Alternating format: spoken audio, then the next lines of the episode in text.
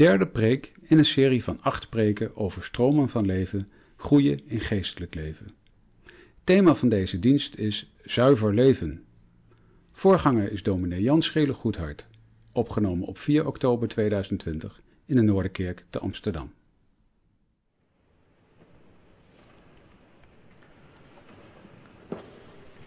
We lezen twee gedeeltes uit de Bijbel en het eerste daarvan is uit Leviticus 19, vers 1 tot 18.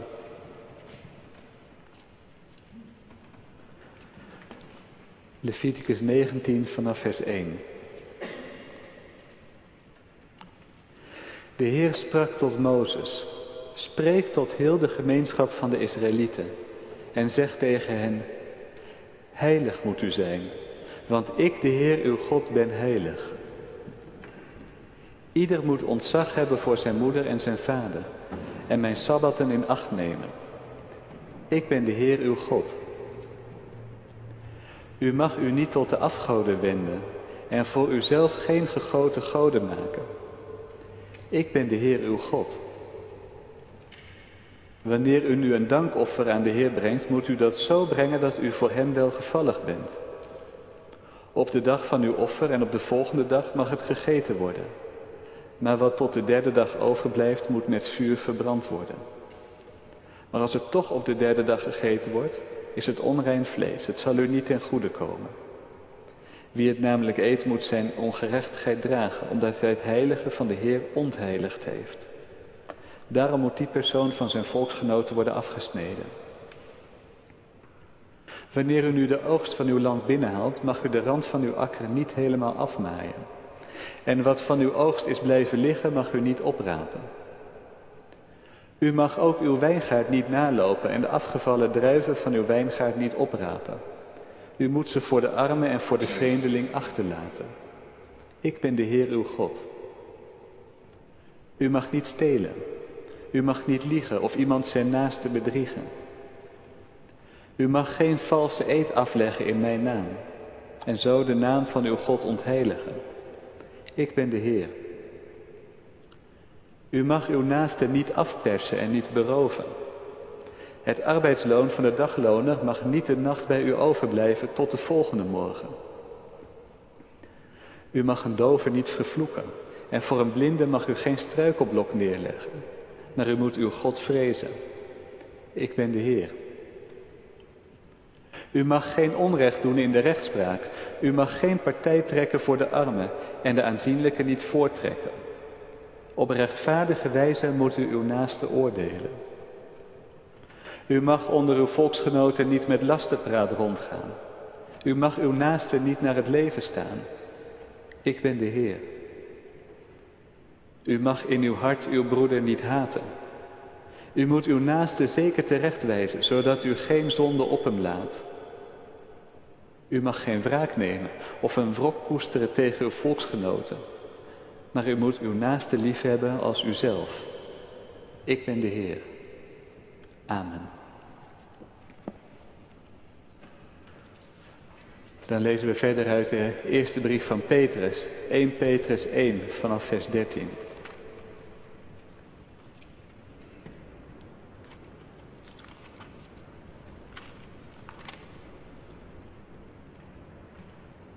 ...1 Petrus 1 vanaf vers 13 en we zingen daarna Psalm 139 vers 14. Omgord daarom de lendenen van uw verstand Wees nuchter en hoop volkomen op de genade die u gebracht wordt in de openbaring van Jezus Christus. Word als gehoorzame kinderen niet gelijkvormig aan de begeerten die er vroeger in de tijd van uw onwetendheid waren. Maar zoals Hij die u geroepen heeft heilig is, word zo ook zelf heilig in heel uw levenswandel. Want er staat geschreven, wees heilig, want ik ben heilig. En als u hem als vader aanroept, die zonder aanzien des persoons naar ieders werk oordeelt, wandel dan in de vrezen des Heren gedurende de tijd van uw vreemdelingschap.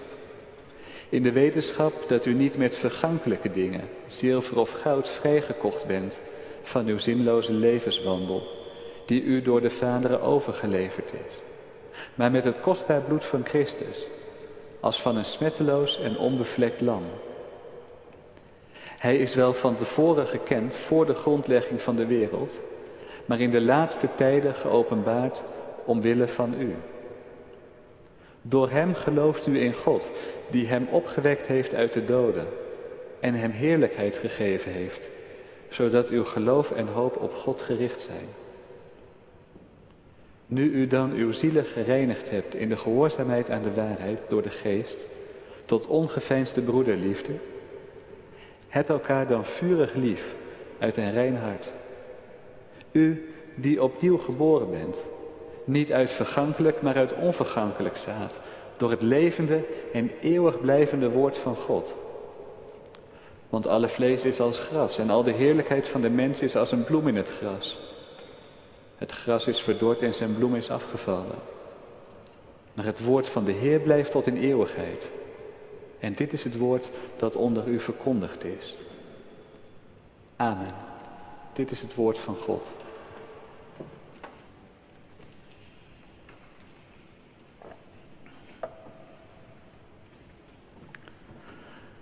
Gemeente van onze Heer Jezus Christus.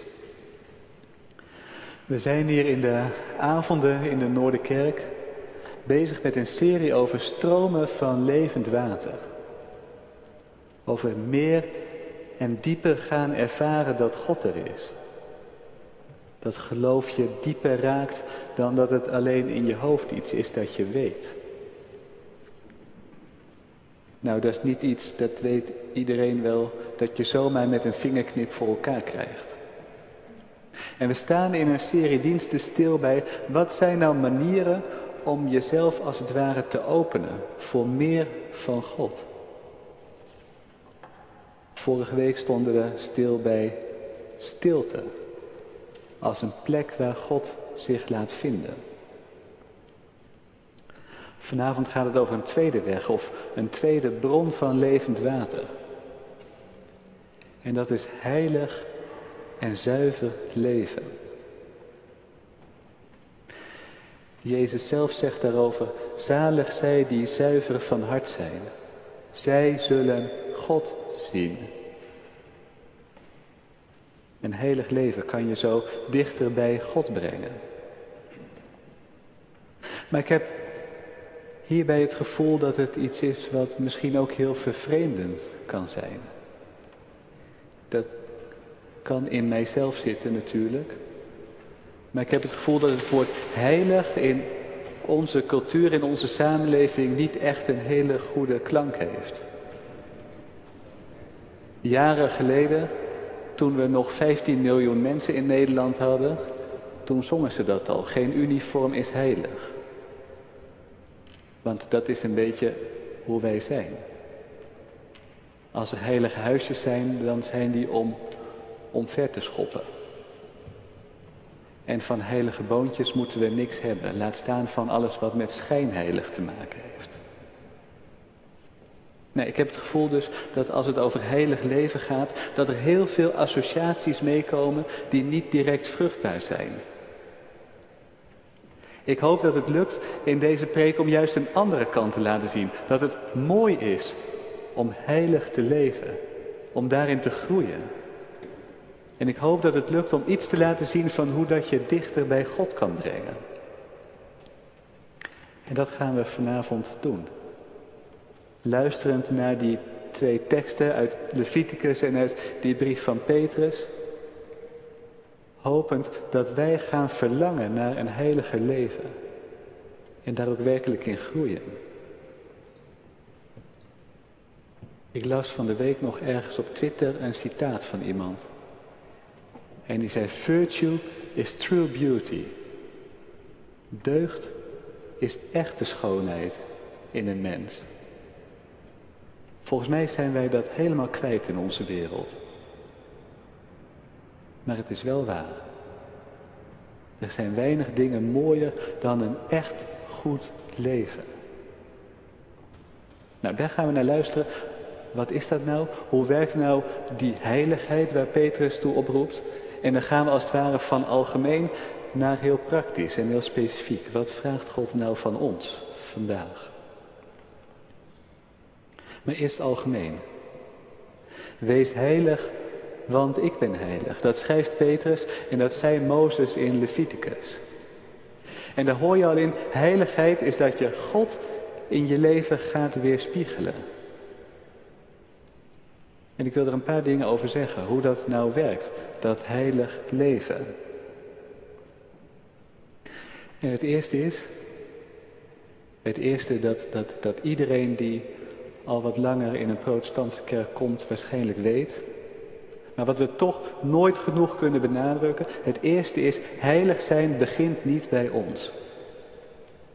Wij maken niet onszelf heilig. Op geen enkele manier. En dat hoor je ook in die teksten als je ze goed leest. Als je Leviticus leest, moet je gelijk bedenken, dat boek komt na Exodus. Nadat God zijn volk bevrijd heeft, pas dan komt dit. Wees heilig. Niet andersom. Alsof wij eerst heilig moeten zijn en dan wil God misschien komen om ons te bevrijden. Zo werkt het niet. En zo staat het ook bij Petrus op die andere manier. U bent gered. U bent gered. En daarom wees heilig. Niet andersom. Misschien weet u het al lang. Maar we kunnen dat in de kerk niet vaak genoeg zeggen. Heilig zijn is niet een manier om als het ware een wit voetje bij God te halen. Dat zou ons never nooit niet lukken, dus dat hoeven we ook maar niet te proberen. Nou, dat als eerste. Dan als je Petrus gaat lezen, dan zie je als het over heiligheid gaat, dat die tekst die we lazen, die begint met woorden over verstand en hoop. Over nuchterheid. En Petrus die zegt als het ware ook tegen ons vanavond, je moet het grote plaatje blijven zien. Het grote plaatje van wat God gedaan heeft, wat God nog gaat doen en wat God nu aan het doen is. Daar moet je je oog op gericht houden. Blijf nuchter. Blijf, blijf, blijf, blijf nadenken over wat je gehoord hebt en blijf hopen op wat er nog komt. Dat is een heel belangrijk woord in die brief. Blijf hopen. En dat is ook een heel belangrijk woord als het over heiligheid gaat. Blijf het zicht houden op wat er nog in het verschiet ligt. En dan komt Petrus, dan komt Petrus met een derde stap en die zegt: geef niet toe aan de begeerte. Geef niet toe aan je lusten, zei een andere Bijbelvertaling. En dan denk ik, als je zo'n woord hoort, lust en begeerte, en het gaat over heiligheid, ja, misschien ligt dat weer aan mij, maar ik denk, er zitten wat misvattingen in onze wereld als je dat hoort. Misvatting 1 is lust en begeerte in verband met heiligheid gaat altijd over seksualiteit in de Bijbel. Nou, ik weet niet of u Leviticus 19 of u een beetje opgelet heeft, maar er ging geen woord over seksualiteit. Het ging over een heleboel andere dingen als het gaat over heilig leven. Misschien gaat het soms best over seksualiteit, maar lang niet altijd. Dat is veel breder. Misvatting 1. Laten we dat alsjeblieft dat heilige leven niet beperken tot die paar dingen waar, ja, waar de kerk stereotyp altijd over heeft. Maar de Bijbel echt niet. Dat was misvatting 1. Misvatting 2 als het gaat over begeertes of lusten, is dat wij volgens mij heel snel het gevoel hebben van, die zijn er nou eenmaal. En daar kunnen we niks aan doen, dus nou ja, dat accepteren we maar. Ja, ik noem dat een misvatting. Daar zit in de kern ook wel een punt in hoor, in die opvatting. Daar zit in de kern ook wel een punt in. Want iedereen die wel eens serieus geprobeerd heeft om heilig te leven, die weet dat er iets heel hardnekkigs in een mens is. Dat je daarvan afhoudt. En dat zegt de Bijbel ook. Zo maakbaar zijn wij niet voor onszelf. Alsof wij onszelf even veranderen in mensen die andere begeertes hebben. Vergeet het maar. Dat werkt niet. In die zin zit daar een punt in. Wij zijn nou eenmaal zo. Maar het is wel te makkelijk gezegd hoor. Wij doen alsof dat ons overkomt. Waar wij naar verlangen en wat wij begeren.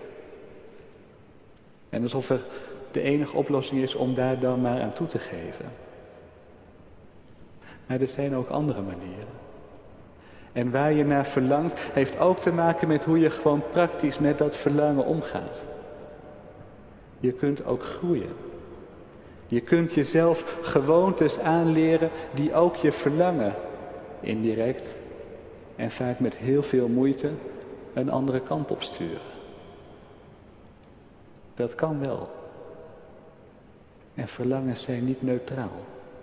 Sommige verlangens zijn mooier dan andere. Nou, pas van daaruit komt Petrus bij je concrete levenswandel. Nadat het gegaan is over dat grote plaatje en over dat God je gered heeft en over die begeerte van je hart. Ik denk dat is de goede volgorde. Pas als je serieus over binnen hebt nagedacht, bij binnen hebt stilgestaan, kan je het over de uiterlijkheden van je leven hebben. Als je alleen maar kijkt naar, bij heiligheid naar wat je aan de buitenkant doet, ja, dan kom je bij die schijnheiligheid. Waar we terecht zo'n vreselijke hekel aan hebben. Natuurlijk, heiligheid gaat over wat we doen, van dag tot dag. Maar wat we doen komt ergens van binnen vandaan. En als we alleen wat doen aan onze praktijk en niet aan binnen, dan wordt het plat. Jezus zei zelf, vanuit het hart komt de onreinheid. Daar komt het vandaan en het komt naar buiten. En zo is het. Dat is als het ware het grote plaatje over heiligheid wat Petrus schetst. En eigenlijk zijn er dan twee wegen. Of twee dingen om naast elkaar te doen als je verlangt naar een heilige leven. Ik zou willen zeggen dat is van binnen naar buiten gaan en van buiten naar binnen.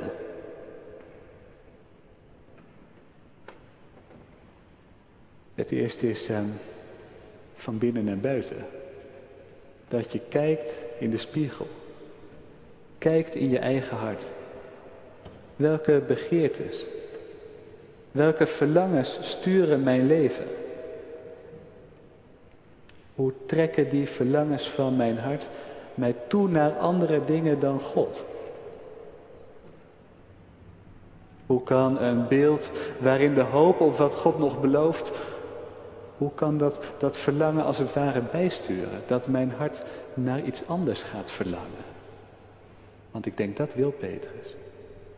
Dat wij zien op wat ons beloofd is en dat ons hart daarna gaat trekken en niet naar al die dingen van de aarde. Dat is die eerste weg. Kijken wat er binnenin zit en hoe het grote plaatje ons verlangen kan veranderen. En dan gaat het ook ons leven veranderen. De andere weg is andersom. Wij mensen zijn ontzettende gewoontedieren. En dat wat wij steeds opnieuw doen, dat wordt iets wat wij ook vanzelf gaan doen. Dat komt van buiten als het ware naar binnen. Nou, als je in je leven dingen ziet waarvan je denkt, die zijn gewoon hartstikke onvruchtbaar en lelijk, die zou ik eruit willen hebben. Dan vraagt dat training. Dan vraagt dat oefening en discipline om goede gewoontes in je leven te brengen. En die gewoontes van de praktijk gaan op den duur ook binnenin je iets veranderen. Dat is de andere weg. Zoeken naar hoe je concreet een nieuw en puur en mooi patroon in kan slijten in je leven. Nou, dat is als het ware meer het algemene. Heilig leven. Dat begint niet bij ons, maar is antwoord op wat God ons geeft. En wel een antwoord waartoe we opgeroepen worden om dat ook echt te geven. En niet voor niks. Het is ook mooi om zo te leven. En met dat, met dat grote plaatje gaan we nu naar Leviticus 19 om gewoon eens concreet te luisteren. Wat zou dat nou in ons eigen leven kunnen betekenen? En ik ga vooraf zeggen, ik doe niet alsof ik heel dat hoofdstuk begrijp. Er zitten in dat hoofdstuk gedeeltes waarvan het mij een raadsel is wat het voor ons zou betekenen vandaag. En ik ga het vanavond even lekker makkelijk doen, die sla ik over. Maar er zitten ook dingen in waarvan ik denk, dat zegt gelijk iets voor ons. En laten we daar dan naar luisteren. En dan begin ik gelijk bij, bij vers, vers 3. Mijn sabbat in acht nemen, zegt God, als het over heilig leven gaat. Nou, dan gaat het over rust en over werk. En als je dan kijkt met die woorden van Petrus net van wat zit daar nou voor begeerte in je hart? Nou, kijk daar maar eens naar.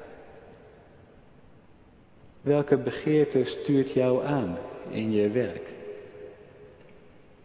Is dat een verlangen om dienstbaar te zijn aan een ander?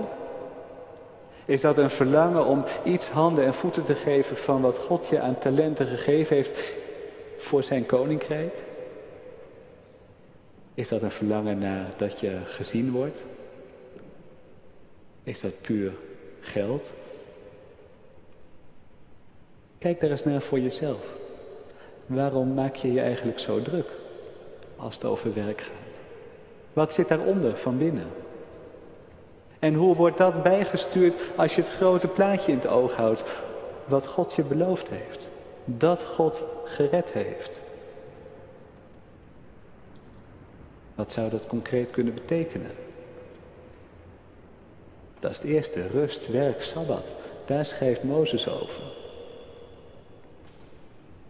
Volgende, weer iets wat, wat economisch is. Wanneer u de oogst binnenhaalt, maai de rand van uw akker niet helemaal af. Ga niet eruit halen wat erin zit. Wat zit er eigenlijk onder bij ons? Dat verlangen om, om, om alles mee te maken, alles eruit te halen wat er in het leven zit.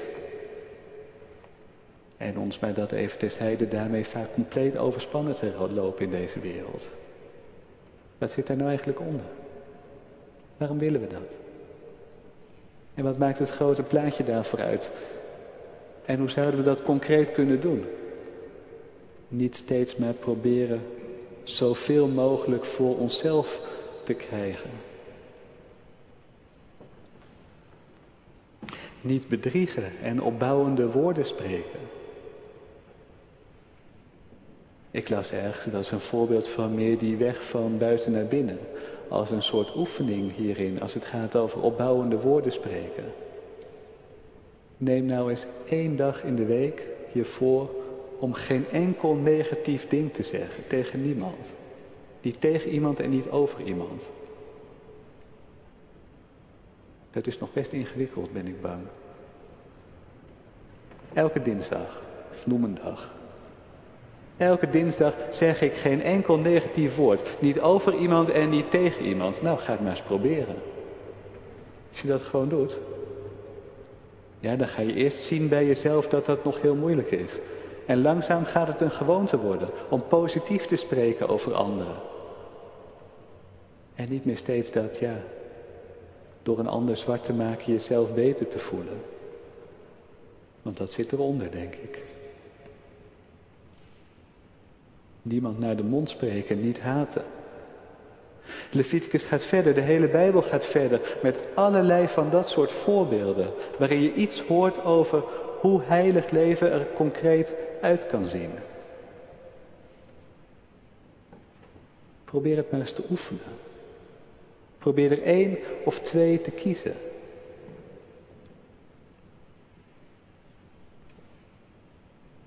Ik denk dat zou voor de wereld ook nog wel eens wat uitmaken.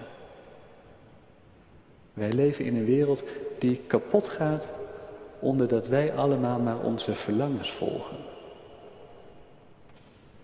Wij kopen de natuur leeg. Wij misbruiken de planeet om ons eigen genot te bevredigen. En dat komt ook, komt hier van binnen vandaan en dat uitzicht in concrete dingen die we doen. En ik denk het zou ontzettend veel uitmaken voor de wereld als we op dit vlak en alle andere vlakken probeerden dit wat meer te doen. Heilig leven. Ik vind dat een uitdaging. Ook voor ons als gemeente, maar ook persoonlijk. Hoe kunnen we meer in ons leven antwoord geven op al dat goede dat God ons gegeven heeft?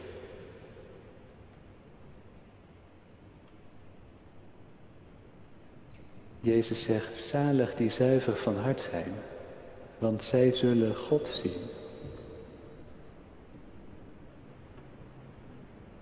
Ik hoop dat in elk geval meer en meer je verlangen wordt gewekt naar zo zuiver te leven. Naar een leven dat niet steeds alle kanten toe getrokken wordt door dat hart wat daar van binnen zit. Maar een leven dat maar één verlangen kent. God en zijn schepping lief te hebben, zijn mensen. Ik vind dat wel iets betoverends hebben. Dat je zo mens uit één stuk kan zijn. Zij zullen God zien, zegt Jezus. Ik denk, zij zullen, wij zullen, hoe meer we dat proberen, wij zullen ook zien hoe ontzettend moeilijk ons dit valt. Om zo te leven. Laat dat steeds onze blik naar God toetrekken.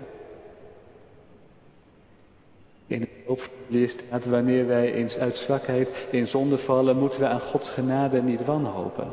En daar zit precies zoiets in. Je weet hoe moeilijk het mensen valt om zo heilig te leven. Maar laat het geen belemmering zijn om ernaar te blijven streven. Laten we waar het mislukt steeds weer op God en zijn genade zien. Op Jezus Christus. Van wie Petrus schrijft dat hij puur en zuiver was. Een lam zonder gebrek. Van wie Petrus schrijft dat hij voor ons gegeven is, zijn leven gegeven heeft. Hij was volmaakt, heilig, zuiver. Hij stierf. Hij leeft. Hij vraagt ons meer en meer te weerspiegelen in ons leven wie Hij was, wie Hij is. Zalig wie zuiver van hart zijn. Zij zullen God zien. Amen.